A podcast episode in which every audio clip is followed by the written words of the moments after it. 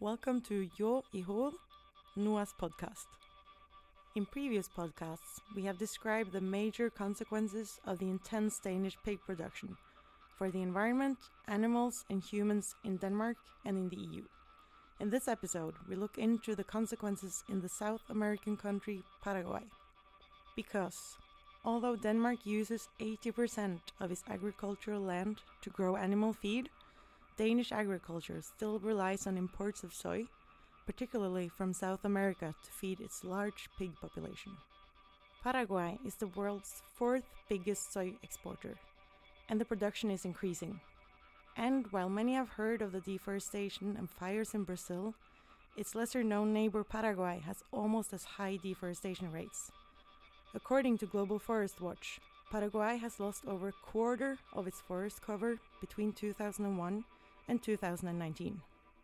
While agribusiness pushes to expand their production, small scale farmers and indigenous people are being brutally driven off their land in Paraguay. To learn more about this violent backside of Denmark's pig production, we spoke to Angel Tuninetti. He works for the environmental organization Heñói in Paraguay. Hello, my name is Angel Tuninetti, and I'm a member of the Centro de Estudios Heñói, a Paraguayan NGO that started many years ago as a grassroots network of peasant activists and researchers uh, working to strengthen, uh, to strengthen democratic participation, human rights, and social and environmental sustainability. Heñói mostly works on, uh, as I said before, human rights, but also a leader of a network of seed producers that fight for the rescue and promotion on nat- uh, native and traditional seeds.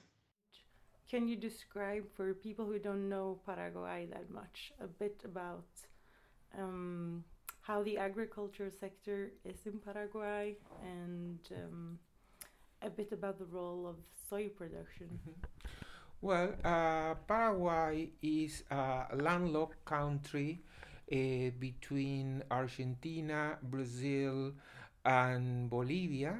It's a small country by South American standards, a very big country by European standards, uh, with a population of about 7 million people and is a country with economy mostly based on agriculture.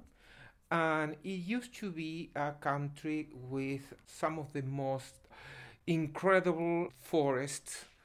The eastern part belonged to what is called uh, the uh, Atlantic forest and tropical Atlantic forest that unfortunately in the last 30 years they had been completely destroyed to plant soybeans. Soybeans, for the most, are also transgenic corn. And the western part, which belongs to the Chaco, the Gran Chaco region of uh, South America, is a big region uh, shared uh, by Paraguay, south of Brazil, parts of Bolivia, and north of Argentina, which are a drier environment but also with amazing biodiversity. And in this case, that biodiversity, that dry forest, is being destroyed uh, with one of the highest uh, deforestation rates of, of the world to, for the production of beef. Beef that is exported to Europe mostly. Europe, Russia, uh, Asia, uh, Paraguay is one of the largest exporters of beef in the in the world, and that beef production is based on the displacement, on the destruction of the um, Chaco forest, but also on the displacement and death of indigenous population that still live live in that area. Mm. And what is the role you think of the European meat production in driving this? Um, drive for land in Paraguay and the increasing of these type of plantations? Well, I think in some cases it's a little bit like a domino effect in the sense that there used to be more beef production in the eastern part of the country but when that uh, was occupied by the uh, soybean production, the, the beef production moved into the Chaco region, the western part, and and of course there is a beef production in Paraguay is still grass fed, which means high quality meat, and um, so there is a huge market in the global north for Paraguayan meat. And of course, when there is a market, there is some people willing to do whatever it takes to to supply that that that demand. The issue also with the with the Chaco is that since it's a drier area, the forest is is the trees are not so tall. Is is I will say smaller vegetation that makes it especially easy to basically deforest just with bulldozers going over and erasing um, and erasing everything, which makes it easier, to, faster, I will say, to deforest and to, to destroy.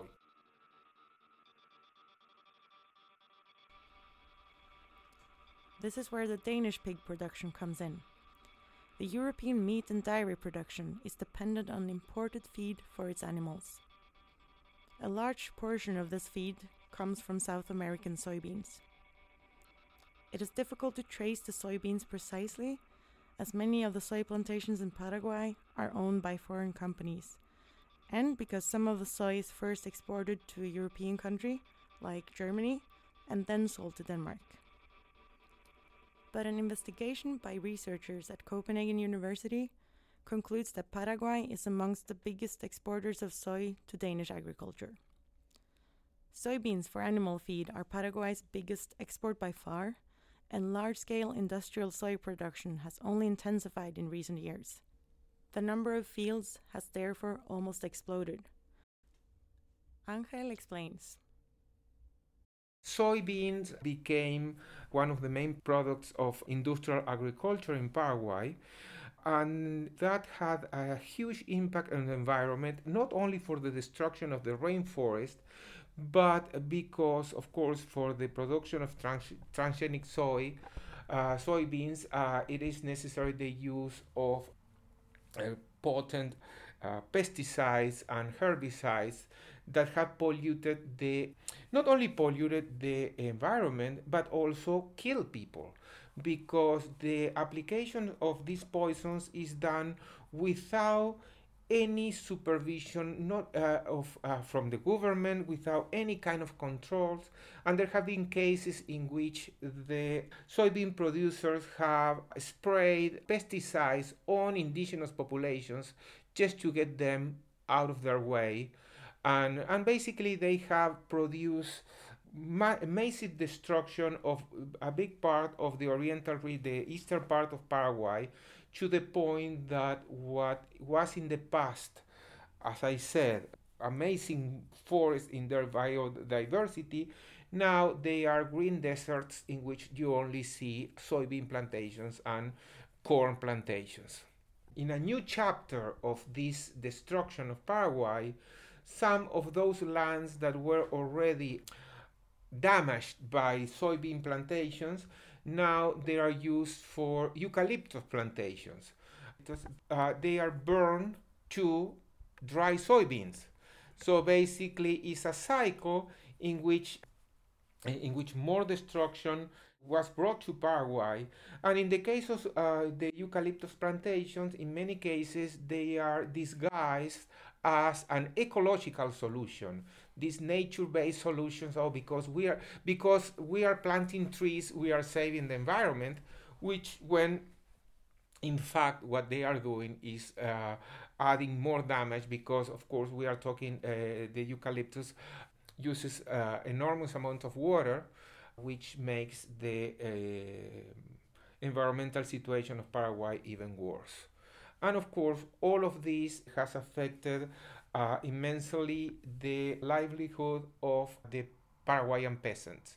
And the issue with water is also a big issue for communities living next to the soy plantations, right? Oh, yes, definitely. Because of the contamination, because there are no well as I, I think I mentioned before there are there is no control regarding the the use of pesticides. So basically yeah we can say that at this point probably most of the water in Paraguay well most of the water of the world is contaminated with pesticides anyway. So but the situation in Paraguay is especially terrible. Paraguay is the South American country with the highest percentage of peasant families. And those peasants that used to cultivate and uh, to grow and raise a variety of species and animals and farm animals uh, are losing their lands because they are displaced by the soybean producers uh, with the complicity of the Paraguayan state. In many cases, these soybean producers are from Brazil, uh, or what they are called in the local slang brasiguayos, and that they, with the complicity of the government, they take land of that belong to peasants to uh, basically make them into these green deserts.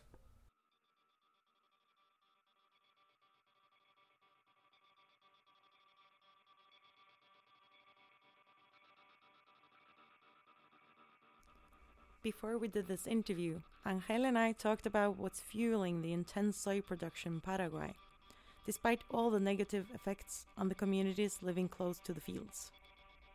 I asked him to explain why intensive soy production is so devastating to peasants in Paraguay and how the soy production is related to the way we trade.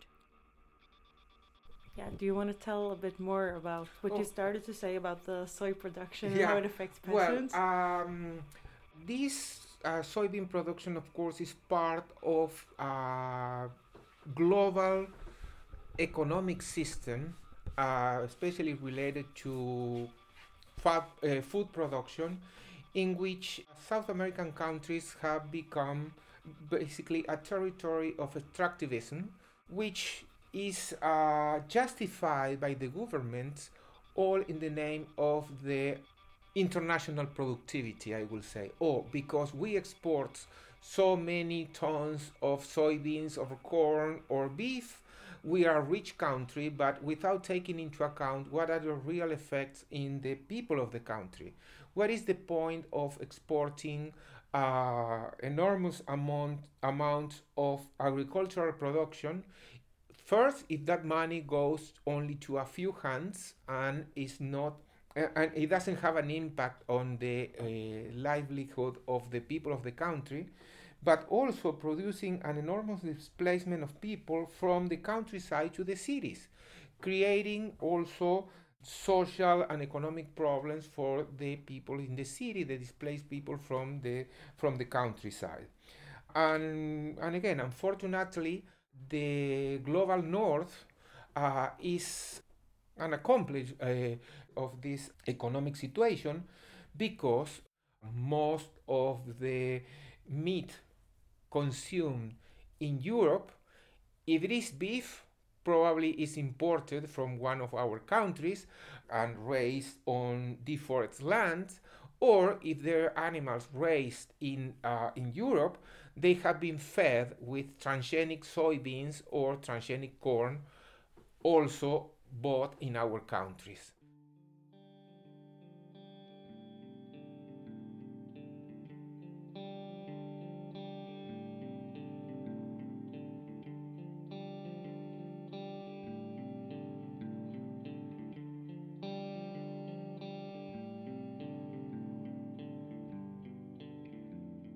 To understand the devastating consequences of Paraguay's intense soy production, we need to talk about land rights. Paraguay has one of the most unequal land distributions in the world.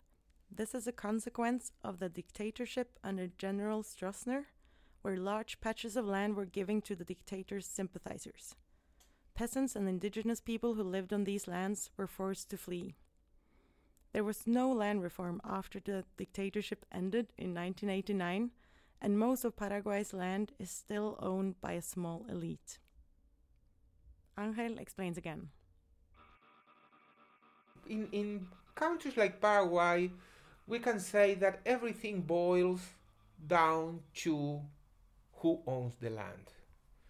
And that's the issue. For example, Paraguay has a, a constitution uh, from 1992 that recognizes the right to the land and a land reform that unfortunately is not enforced as it should be.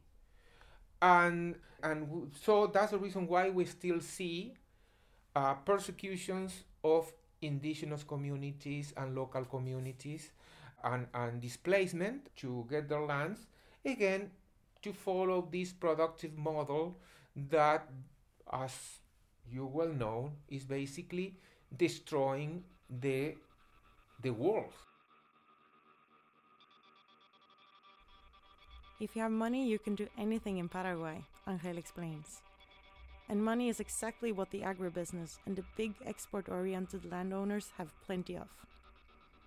Several people in the Paraguayan civil society tell us that it's common knowledge that for around 200,000 US dollars, an agricultural giant can hire more than a thousand state police and private security officers, including weapons, vehicles, and helicopters, to evict entire communities and raze villages to the ground.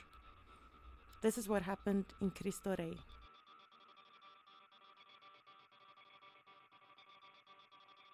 Cristo Rey is a small community of around 70 peasant families.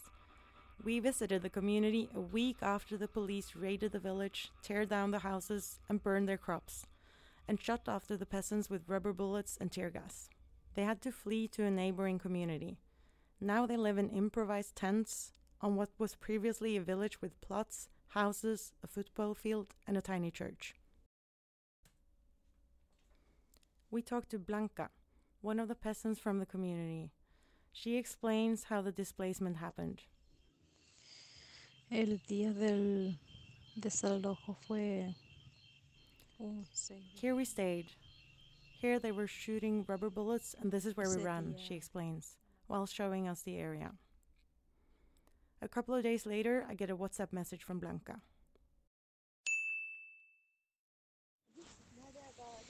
Buen día, Invil.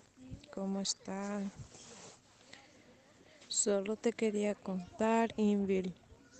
Desde aquel día que ustedes vinieron en el asentamiento Cristo Rey, ayer fuimos desalojados otra vez. Tú sabes, Invil, entraron con máquina. Good morning, Ingrid. I just wanted to tell you that yesterday we were evicted again. And you know, they entered with machines this time, destroyed all the crops we had, and burned everything they found. A lot of police officers stayed afterwards. It's very sad. I just wanted to tell you this. We are staying here with the neighbors in the community Quince de Agosto, the community who also helped us last time we were evicted. The truth is, this is horrible, the violations and the injustice we live here in Paraguay. It is sad.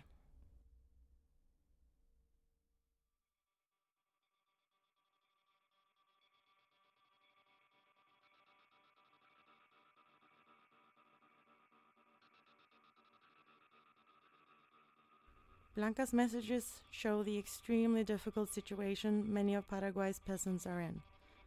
Because the agribusiness constantly expands to new areas, the evicted communities have nowhere else to go.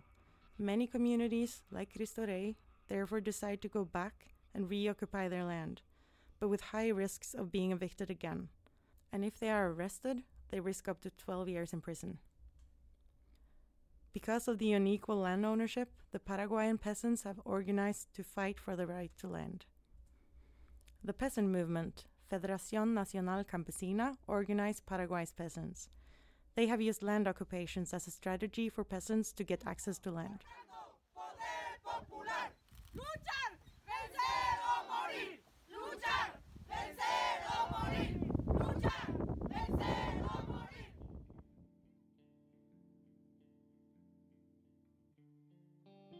Crescencio Gonzalez is a peasant community which gained their territory through land occupation. Around 1,300 peasants now live on the 5,000 hectares that they have, and they mainly live from what they produce. The place got its name in memory of the peasants who were killed in the struggle to get a piece of land.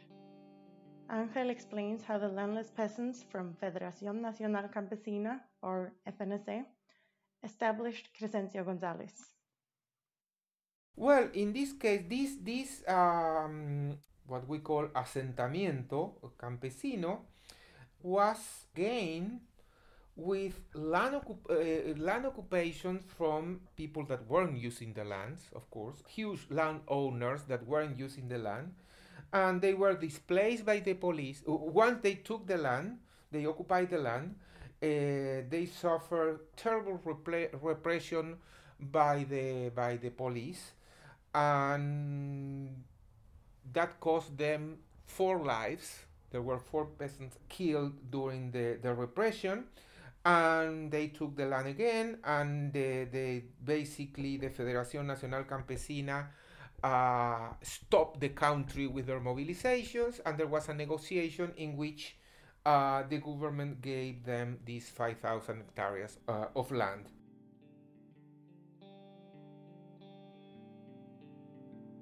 Because of the violent repression of the peasant movement and of the land occupations. Heñói and other civil society organizations work to document and denounce the human rights violations committed by the police, security forces, and the state.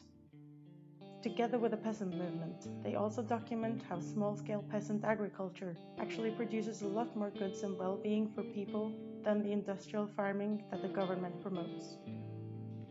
In Crescencio Heñói has done a study together with the inhabitants, comparing the productivity of the peasant community with an industrial soy farm of the same size. I asked Angel to explain the study and why they did it.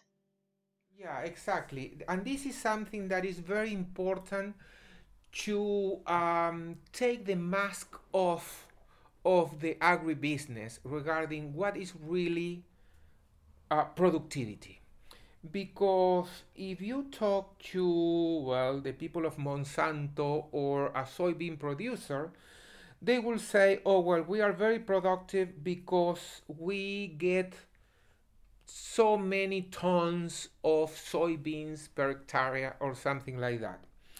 Uh, what uh, we did in, in was to compare one one of the studies we have done several studies in this regard but one of the main studies was to compare two productivity units about the same size 5000 5000 hectares each. One devoted exclusively to soybean production. And the other one is a peasant community of the uh, Federación Nacional Campesina in which we studied what this um, community produces, the peasant, what, and we basically counted everything that they produce. Because, of course, the soybean unit only produced soybeans. And they said, well, so many tons at, so, at, at, at this price, at this international price, is so many million dollars, and we have these expenses in uh, agrochemicals, ma- machinery, fuel, etc. And this is our net gain. What we try to show is that there are much more than that, especially when you have peasant communities that live the land and live from the land. So we took into account what they produce and what they eat. And we are talking here about people that have standards, eating standards, that will be a dream for somebody living in a city.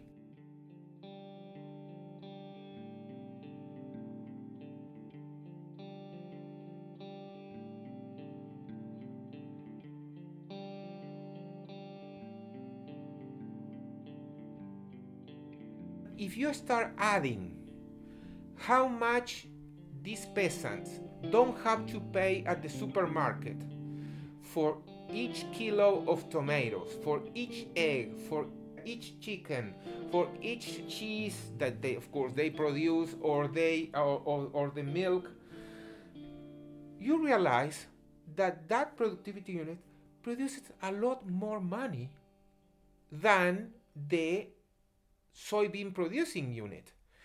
And also the difference is that in the soybean producing unit, in this case, only 37 people lived and worked on that on that uh, on, on, on those 5,000 hectares. And of course, all the profits went to the owner. Meanwhile, in the peasant community, there were more than a thousand people living in these 5,000 hectares, and all the profit was for them. So you have a situation in which uh, this is not only uh, food security, they are well fed, but also food sovereignty. They are eating what they want, what they grow, how they want to do it.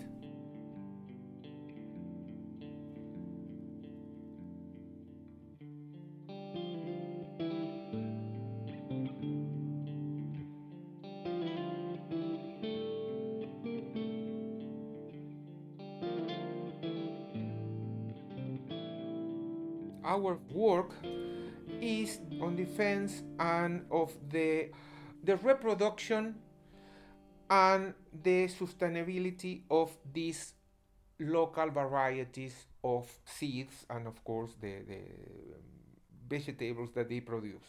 Uh, native and traditional varieties of seeds that they are disappearing under the pressure of the corporations. Paraguay for example has 11 varieties of corn of native of corn that was developed by our peasants and indigenous community. This is something that we care about a lot about in in Ingenioy because one of our main goals is to fight and defend local seeds of, uh, of the Paraguayan environment and now they are displaced by the transgenic corn imposed by corporations. And and of course uh, at, at, one point we are talking about food but we are talking also about culture right? When you destroy the food of one community you are destroying also their culture. And this is something that we have to preserve at all costs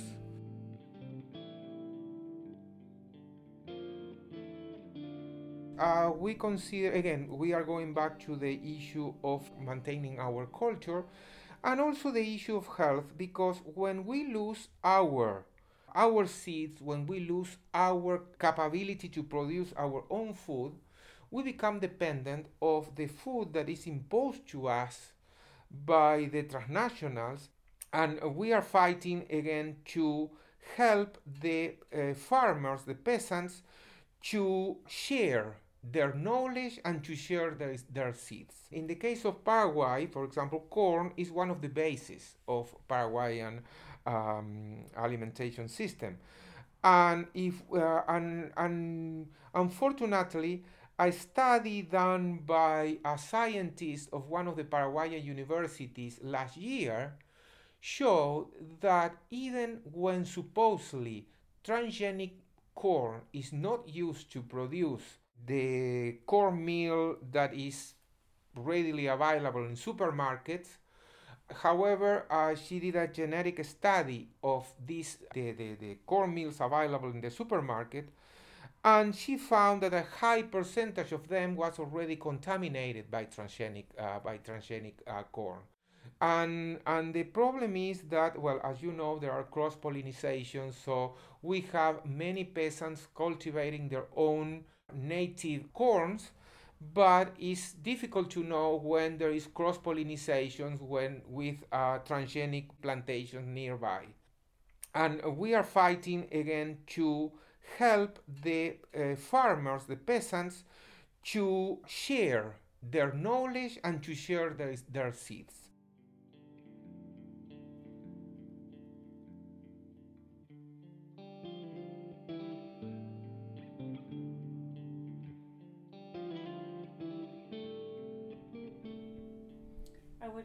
maybe you have to leave soon. But before you leave, can we talk a bit more on getting back to like your work with the Red Semillas, the mm -hmm. um, seed network, and yeah. what you're doing with them? Yeah.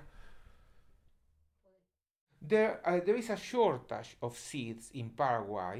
Uh, Paraguay is depending more and more of on important in, uh, imported uh, seeds, and our fight is to avoid that. Is to help peasants to, in, in a way, to rescue that word mm-hmm. to rescue the traditional knowledge of seed production and also to help them to identify where those seeds are available.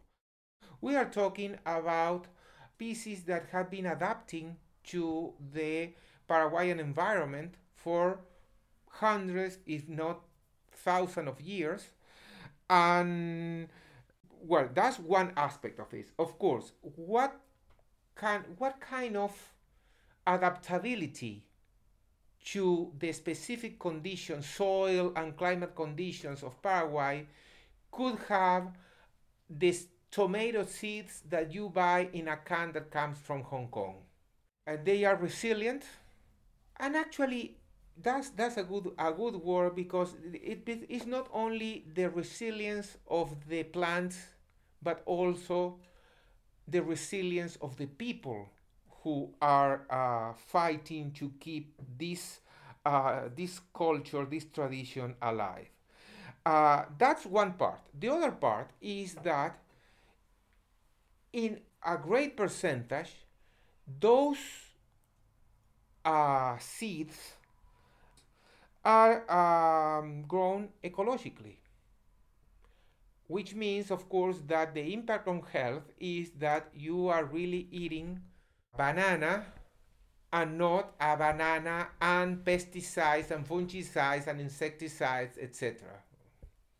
And of course, the, the impact of on the soil, on soil contamination and water contamination. Of course, that there is that uh, basically this uh, we are talking about uh, plants uh, grown on a natural environment.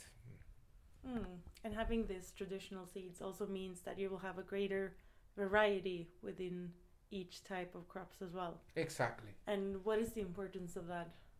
Well, uh, one of the one of the big problems of you know of um, uh, industrial agriculture is that we have come to rely on very few varieties of different species if you go to a supermarket in the United States, a supermarket in Spain,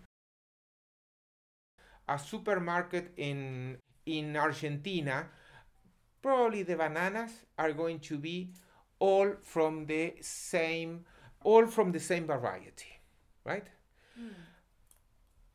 When you have, and of course, if there is a, a, a certain, uh, let's say, a year in which a specific fungus damages the, this specific species, the whole crop is destroyed.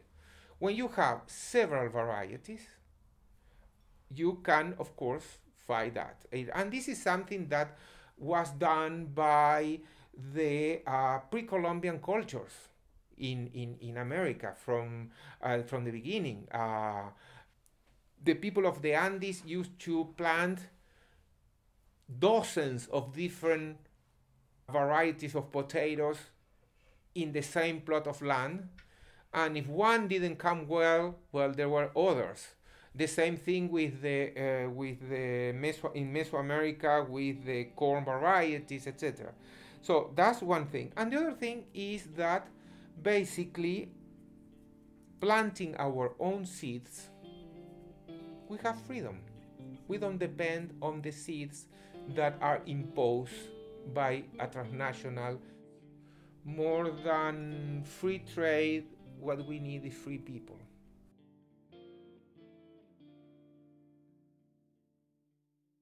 That was everything for today's episode.